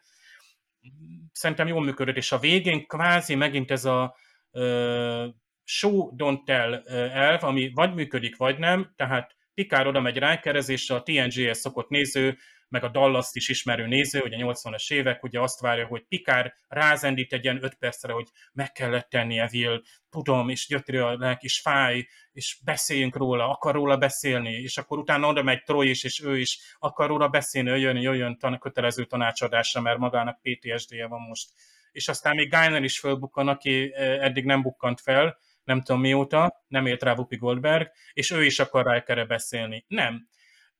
a kutya se akar Rikerrel beszélni, mert nem lehet erről beszélni. Tehát Riker elvégezte a kötelességét, és meghozott egy kőkemény döntést, ami egy csillagfota tiszthez méltó. És brutálisan rossz a, a, a belső lelkiállapota most, Pikár meg ad neki egy kimenőt. Mert felnőtt emberekről van szó, vagy kvázi mutatja be a, a TNG, hogy, hogy itt már ennyire felnőttek ezek a, az emberek, tehát nem fogja gyerekként kezelni a Rikert, és megsimogatni a buksiját, hogy jól csináltad, de egyébként a TNG-ből is simán kinézném azt, mert néha ebből jönnek ezek a burjánzó párbeszédek, hogy még mindig csak nézzük az epizódot, és már nézzük, hogy már az a 45 percnek le kéne járnia. Itt szerintem jó volt a timing, hogy nagyon kevés volt a utó hatásra, és ezzel tök fegyelmezett, és néha mai Star Trek sorozatok elrontják ezt, amikor jó, egyébként a TNG epizódikus sorozat, elfelejtjük, hogy a Rikernek vala is volt egy utanevű hölgy, akiben nem tudom, beleesett, és meg ki akarta hozni a szolgasságból, és felszabadítani a, nem tudom, a klánoknak a, a izé, tehát Riker ugye több évszázados hagyományt akar úgymond áthágni, ismerjük ezt, mert Riker de nem, ugye nem pusztán hódít, tehát nyilván ez, ez, ez régen, tehát ez a Han Solo effektus, ez nincs rajta annyira Rikeren, hogy ő egy ilyen, ilyen izé, nem tudom, ilyen kicsit 20. századi embert képvisel, aki abszolút belemegy, és akkor csak megszerezze a nőt, és akkor... Tehát ö, látjuk, hogy Riker régen vagy sokkal fegyelmezettebb, mint az a klisé, amit látunk egyébként a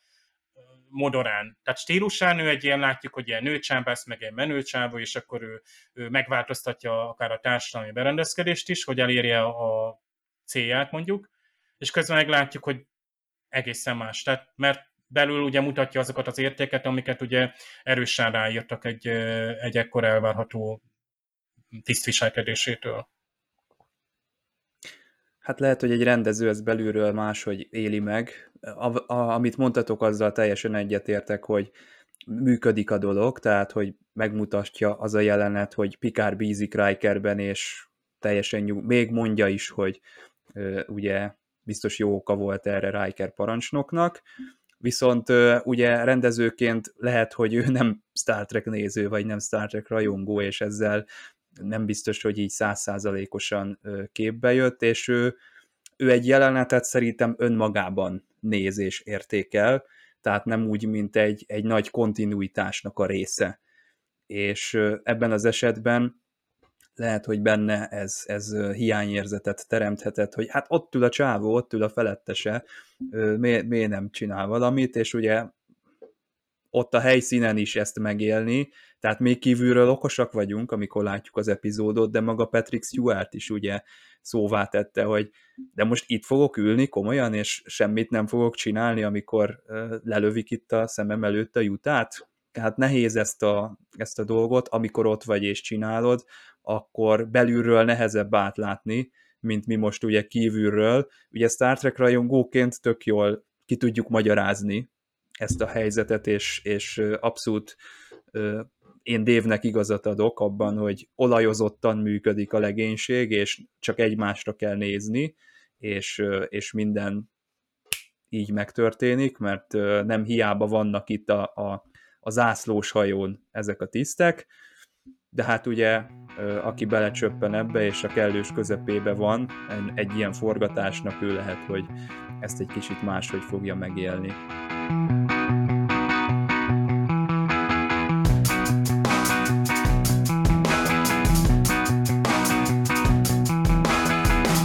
A fedélzeten. Csoba! Bú, csoba! Csob, csoba!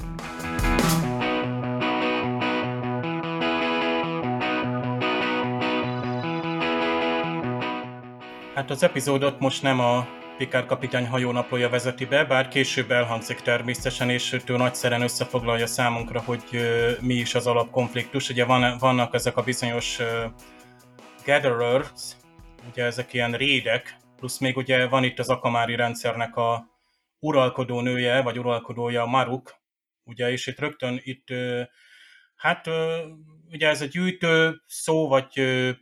Hát egy visszatérő egyébként, mert szerintem egyébként még a Marvelben is van egy gyűjtő, meg a Kivas Fajo is közeledik már, azt hiszem, ő sincs olyan messze, aki, aki begyűjti még détát is, de hát tényleg inkább a, ugye a gather szóra eleve vissza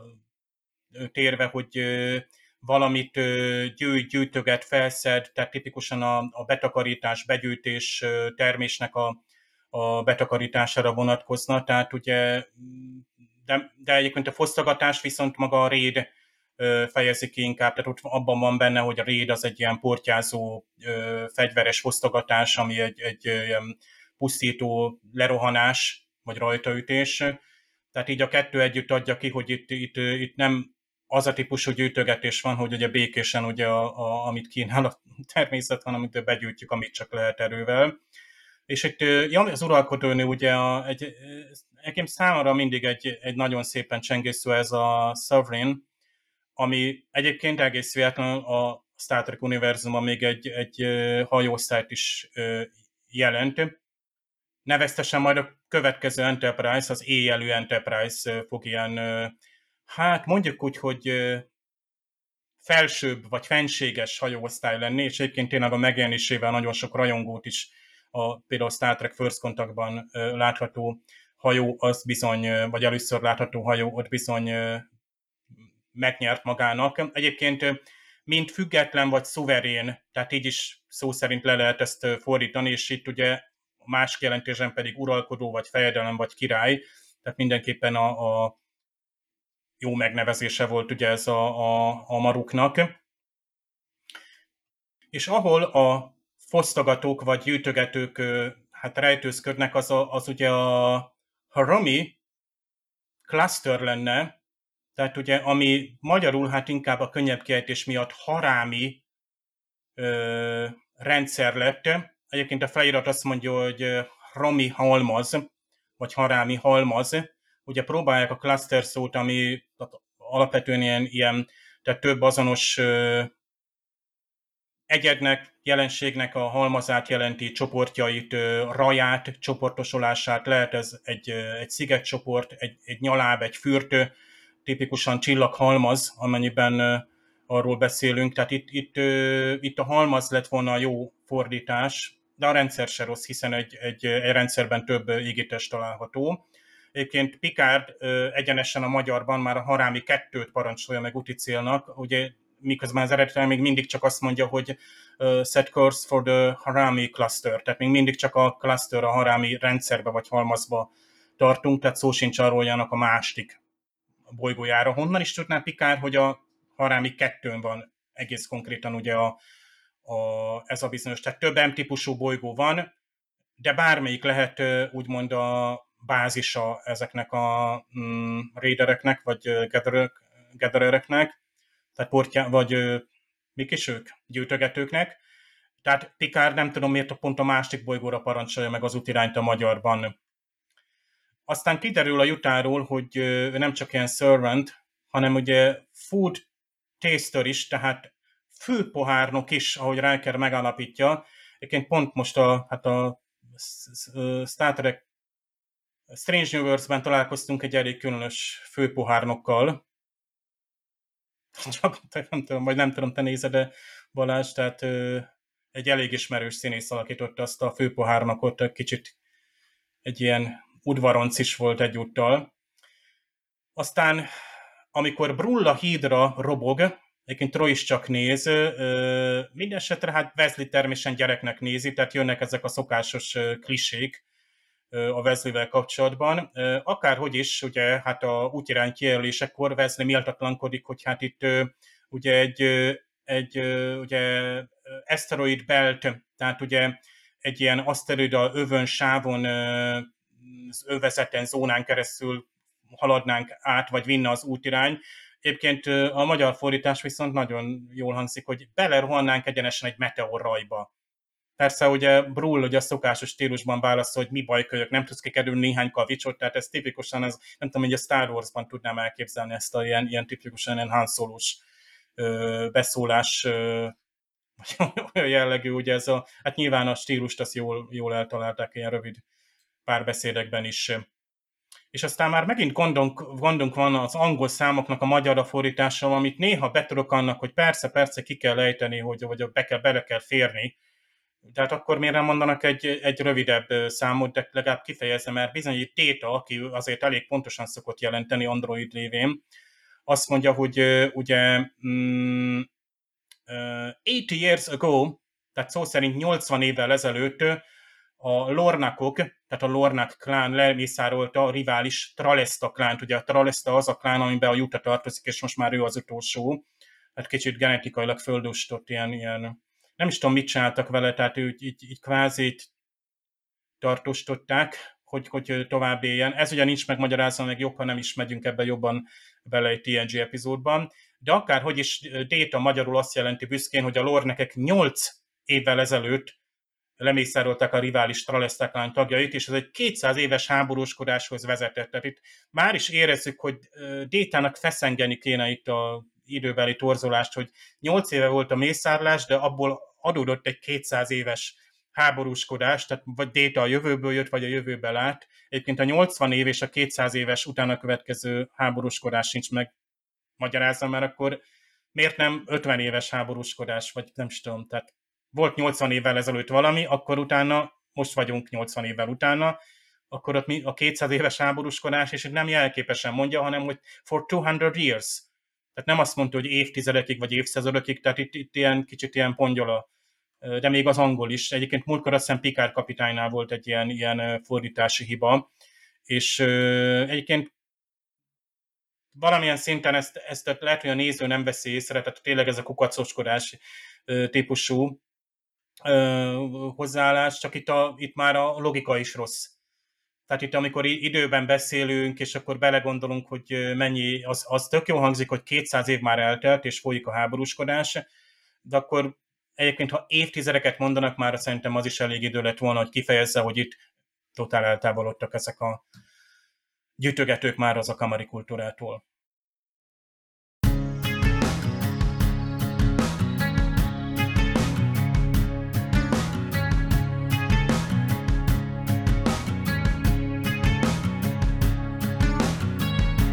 A múlt héten jól megcincáltam a The Price című epizódot itt az összefoglalásban, és hogyha megnézzük az IMDb-n, akkor a közönség számára valami hasonló megítélésű ez az epizód is, tehát ilyen 6, valamennyi pontszámon állnak. Nekem ez az epizód, ez mégis fényévekkel jobb,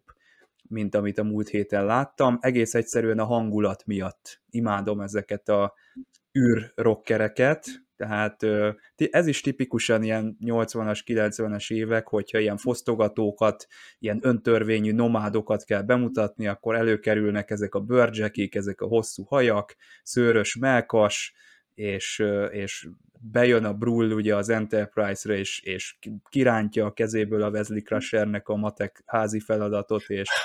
elveszi a, azt az italt ott a, a csillagbárba, de a fantasztikus, tehát én hatalmasokat röhögök ezeken a jeleneteken, és nekem ez, ez nagyon közel áll a szívemhez emiatt ez az epizód, de maga a tálalás is, ahogy kezdődik az a föderációs, tudományos bázis az elején azzal a zöld háttérrel, ott mondjuk kicsit megszoktam ijedni, hogy elromlott a tévém, és valahogy a színek elállítódtak. Érdekes ez a megvilágítás, ez a zöld szín, hogy miért ezt választották, de egyébként ez a háttér, amit ott kint látunk, az eredetileg az 1956-os Tiltott bolygó Forbidden Planet című filmhez készült díszletként, és ezt Michael Okuda meglátta egy katalógusban, és megrendelte, és azt mondta a, a stábnak, hogy hát tök jó ez a díszlet, használjuk már mi is fel itt valamelyik TNG epizódban, úgyhogy ők is ezt így beszerezték. Nagyon jó egyébként a Crusher jelenetben, amikor mutatja a vírust, az a kijelző is egy tök jó, tök szépen megalkották annak a, a kinézetét, tehát így, így hangulatban, dizájnban nagyon rendben van nekem ez az epizód. Azt még itt háttérinformációként mindenképpen el kell mondanom, hogy Ira Steven Bear nek a neveit megjelenik a, a stáblistában. Ugye a DS9-nak, a Deep Space Nine sorozatnak a showrunnere, és bizonyos források szerint már ennek az epizódnak is részt vett az írásában, de ezt ugye a stáblistában nem látjuk visszaigazolódni, úgyhogy ebben nem lehetünk ö, biztosak, de később majd ő is fog itt a TNG-ben ö, epizódokat írni, de főleg inkább a, a Deep Space Nine-ról fogjuk őt ismerni, meg hát ugye itt az elmúlt éveinket bearanyozta az ő folyamatos jelenléte, amikor a What We Left Behind című dokumentumfilmet folyamatosan promózta, és, és bejelentkezett, és, és egy olyan vállalkozást vitt a vállain, amire mindenki azt mondta, hogy jó, hát ez őrültség, ez szép a cél, amit el akar érni, de ez már megszállott, és nem fog neki sikerülni, és mindenkire rácáfolt, mert sikerült neki, tehát felújította a Deep Space Nine-ból azokat a jeleneteket, amik ugye SD felbontásban voltak csak elérhetőek, és megcsinálta, és éveket kellett rá várni, bocsánatot kért többször, tördelte a kezét, hogy késni fogunk, de megcsináljuk, senki nem hit neki, és egy fantasztikus, a legfantasztikusabb Star Trek dokumentumfilmet elkészítette, amit valaha láttam, úgyhogy ezt mindenképpen itt meg kéne említeni, hogyha megjelenik egy ilyen név, itt a TNG-ben, akkor, akkor az megérdemli, hogy így megemlékezzünk róla, és hát fogjuk még akkor látni a, a továbbiakban.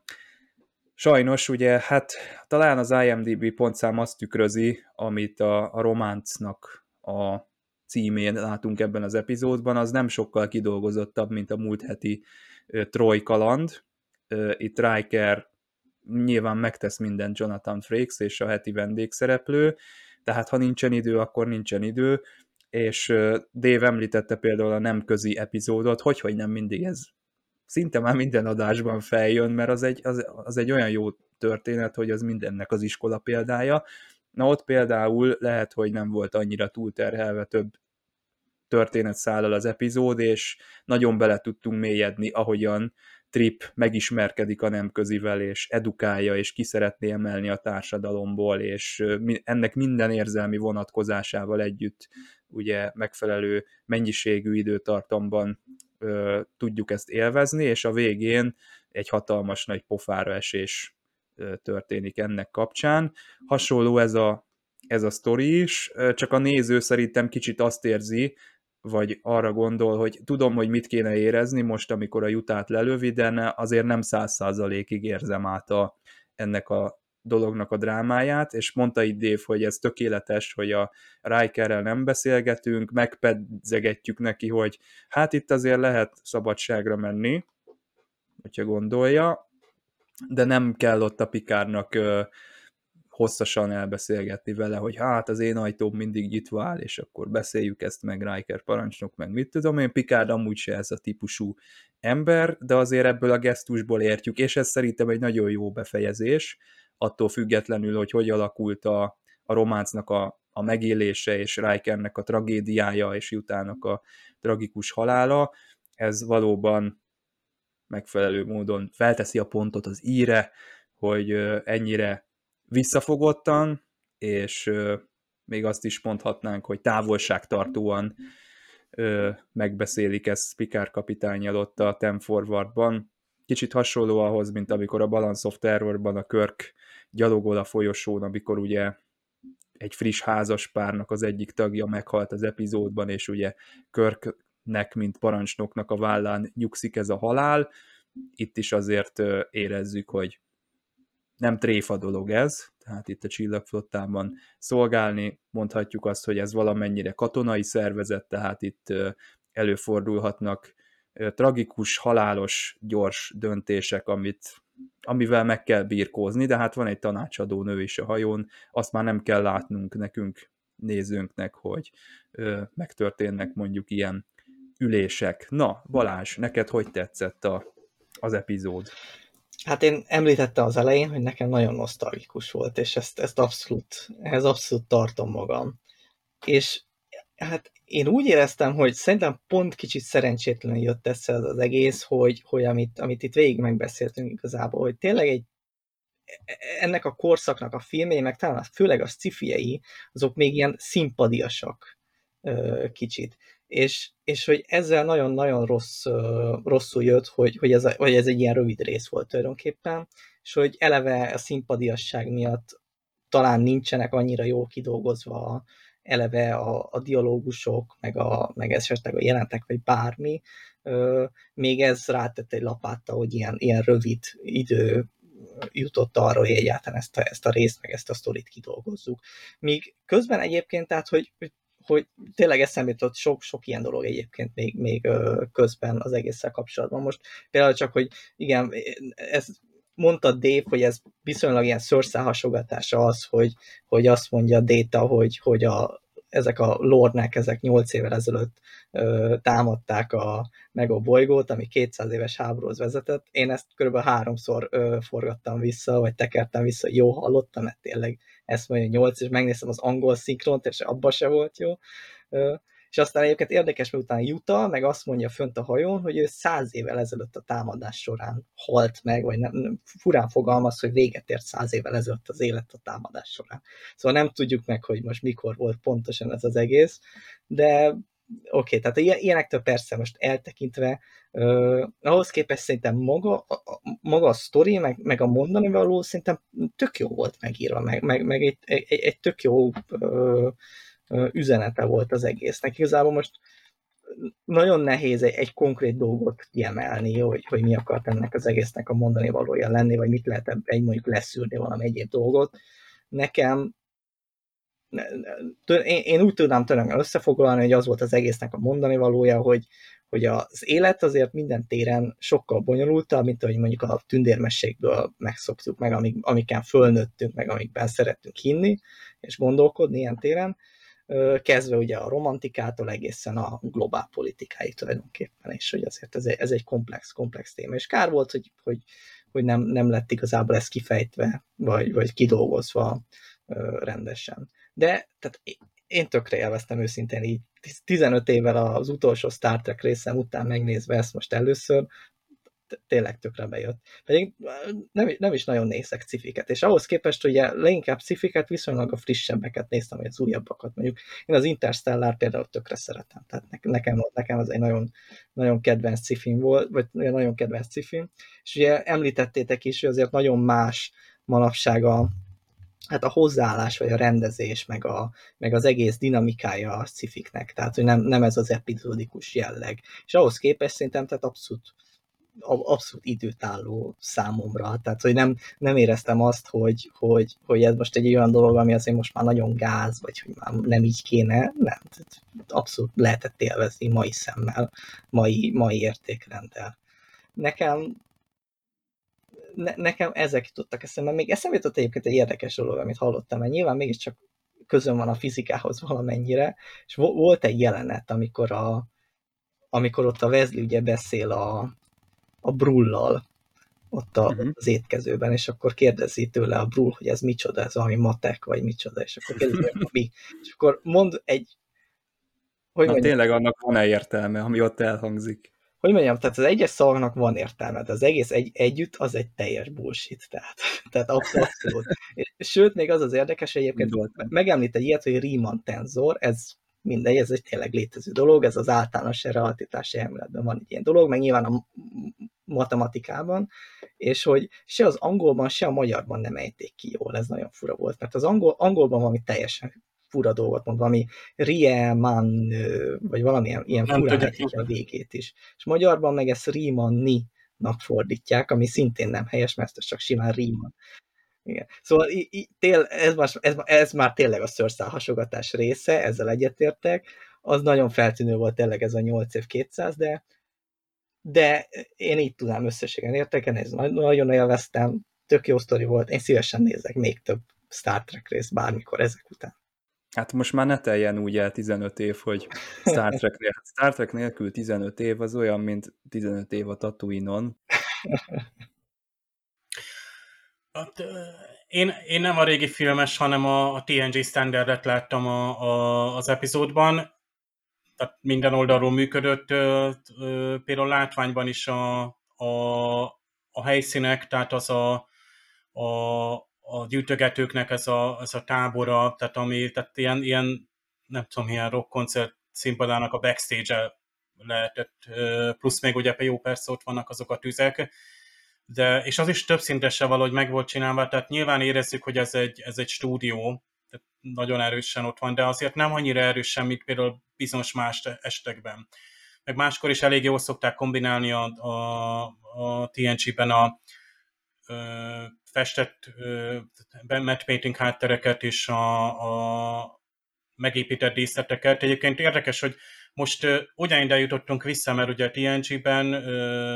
vagy bármely korabeli mozifilmben is. Ugye TNG-t egyébként szerencsére olyan szalagra for, forgatták, hogy tehát vissza tudták nyerni a remastered kiadásban az eredeti modelleket, effekteket, nem kell CGI-jal helyettesíteni. Például hajókat, itt is volt például Csorgán hajója. Bár erősen látjuk rajta, hogy ezt a láncsa alakban, hogy hát valószínűleg a csillagok háborúját nézték, és ilyen köztársasági cirkáló vagy birodalmi csillagrombolónak a alap formáját, de azért elég résztesen ki volt dolgozva. Itt a felújított változatban azért ezek feltűnnek, és ezek a modellek, amiket megépítettek akkor. Tehát ott, ott látjuk, hogy az Enterprise-szal szemben állnak, és tüzelnek egymásra, és teljesen működik. Egy, egyébként pont a tűzeffektek nyilván ott utólag, tehát a, a nyers felvételeket, modellekkel készült nyers anyagot azt újra bedigitalizálták, viszont nyilván az akkoriban is egy utólagos effektus volt egy fézer tűz, vagy például amikor Riker is lő. Egyébként szépen ott állítgatja fölfelé a fokozatokat, és a néző azért ott tényleg vakarja a fejét mondjuk először nézve, hogy mikor lesz a, a legerősebb fokozat. Tehát mennyire kell fölvenni, mert Riker ugye amikor a ezt a nem is tudom melyik anyagot meg kéne olvasztani, akkor is tehát ott, ott kiadja a illetve először kiadja a parancsot Détának, hogy meséljen nekem a nem tudom milyen Neo,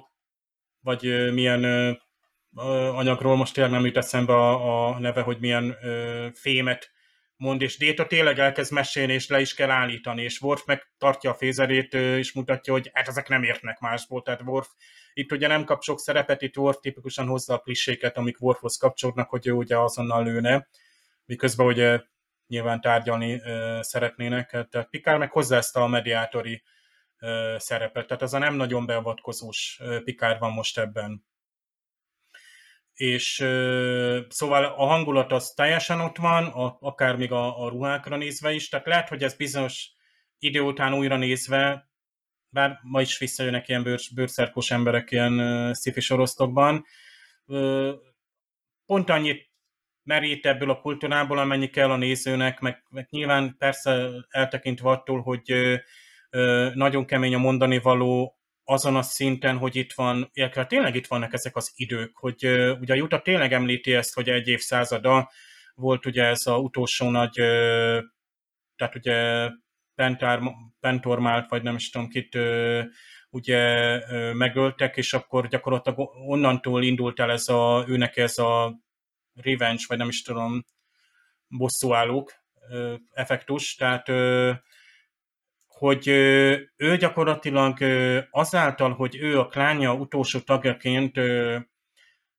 tehát nem öregedtek a sejtjei, és ő lett a kiválasztott, aki hordozza a konfliktust. Tehát gyakorlatilag befagyasztották a konfliktust, és életben tartották. Tehát ezek a, ezek a nem tudom, a ilyen tőzek, tüzek, vagy nem tudom mi, hogy egyszer csak majd föllobban, és akkor lesz egy olyan tűz, hogy nem tudom, helikopterekkel kell kimenni oltani, tehát és a, a föderációnak kell ott lenni, hogy ezt elfolytsa, illetve Pikár még ezt nem is tudja, hogy itt voltak éppen mik húzódnak. Tehát ő csak azt hiszi, hogy simán majd itt, itt ugye a kitisztult a kamári társadalom vissza tudja fogadni, és amit mondtam, hogy az elején, azt továbbra is azt úgy tartom, hogy persze, hogy akik ott maradtak, és úgymond lerázták és elfelejtették a konfliktus, elfelejtették azt a konfliktust, és eltelt annyi generáció tudott cserélődni, most nem tudom tényleg akkor hány száz év, de hogy ott ők meg tudtak szabadulni attól, hogy aktív legyen, míg a, a, ugye a gyűjtögetők azok nyilván az életmódnak is köszönhetően ők leváltak erről, tehát ő bennük nem indult ez, ez a letisztulás, vagy ez a fejlődés. Tehát egy teljesen sokkal lassabb evolúció, ami sokkal hagyományosabban, tehát megőrizte ugye a, a, tehát ezt a klán társadalmat, ahol ugye a bosszú is úgymond megőrződik, meg a klánoknak itt, tehát lást, hogy ott azt az öreg fosztogatót ugye megölik, aztán már rántják és leróla a csizmát, tehát ez is, és ez teljesen természetes. Egyébként, és el is hangzik, hogy nem is tudom, ilyen salvage value, hogy annak nincs nagy értéke, annak a nem tudom milyenek, hogy bizonyos, ezt már lehet, hogy Déta mondja, tehát itt, itt, itt ebből egyébként ki lehetne kerekíteni, persze, meg erre valók a Discovery és egyéb sorosztok, ahol ugye ilyen konfliktusokat tíz epizódon keresztül mesélünk, és ott viszont már érezzük, hogy ott már vannak ilyen sallangok bejönnek. A TNG az pont úgy merül mélyre, hogy, hogy úgymond a nézőnek se fáj. Tehát szépen tovább tudunk hajózni, így, így szépen puhán, tehát, de azért annyira nem, hogy ennyire, tehát ugye ez, ez nyilván a nézőt magára hagyja ez, és nagyon közel van a végéhez, ami történt és nincs olyan vigasztaló beszélgetés a végén, tehát ugye hm, majd elmehet szabadságra, és, és Riker tényleg ezt hozzá ezt a katonás formulát, amit még a TNG-ben érezzük, hogy hát ez nagyon rideg, ez, ez, ez valami, megint valami új, új irány e, nyílik itt. Sajnos nem, vagy hogy mondjam, tehát annyira azért nem változik meg, hogy hirtelen majd e, ilyen drámaian kezelünk minden konfliktus, tehát nem megyünk át annyira, tehát mint a most megint, hogy a Discovery kezelt ilyen ilyen, ilyen módon, és ott éreztük ezt, hogy, hogy ott is vannak elvaratlan szálak.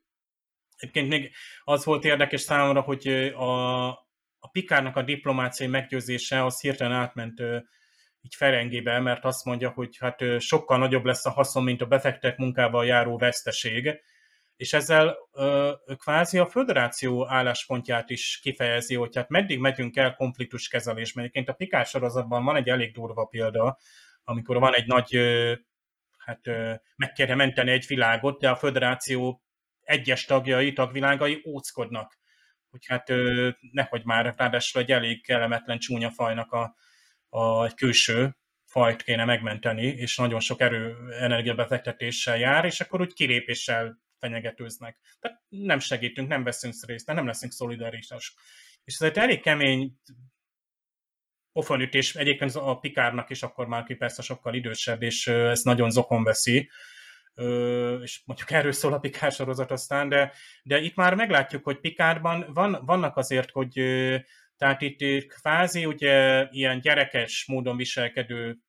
tehát még föl nem ér, meg nem ért, vagy nem a föderáció szín,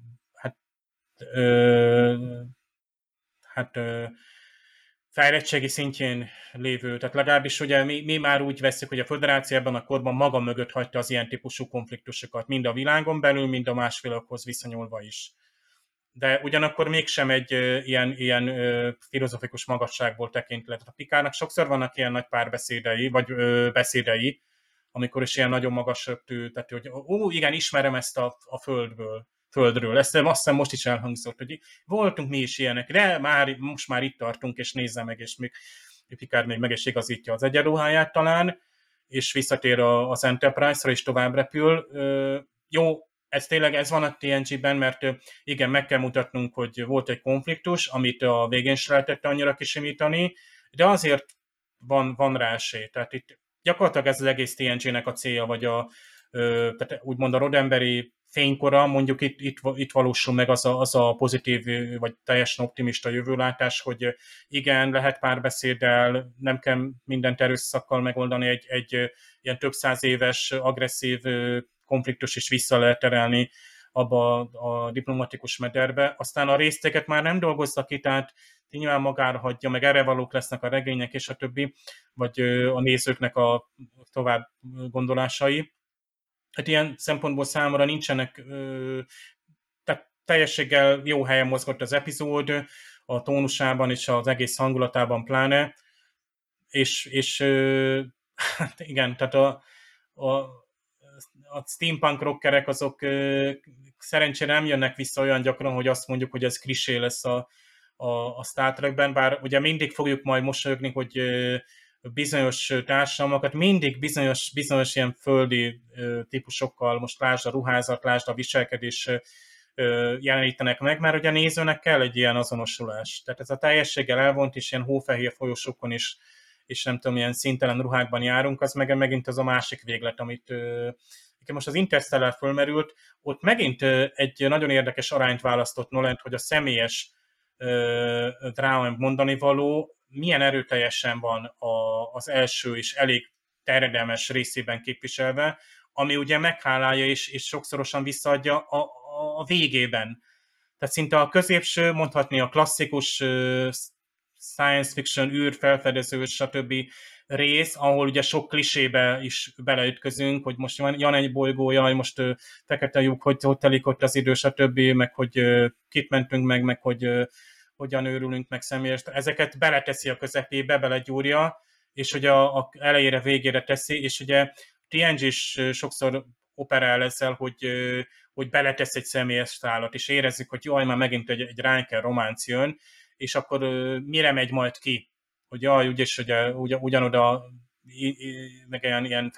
sekélyesek ezek a párbeszédek. Egyébként Ránkernek a úrításai tényleg könyvet lehetne írni, hogy, hogy hogy ne csináld, vagy hogy csináld, mert néha elég célra vezetőek, mert megvan a sámja, ugye, csak ugye mindig belemennek ebbe a, tehát látod, hogy leülnek ugye Trojjal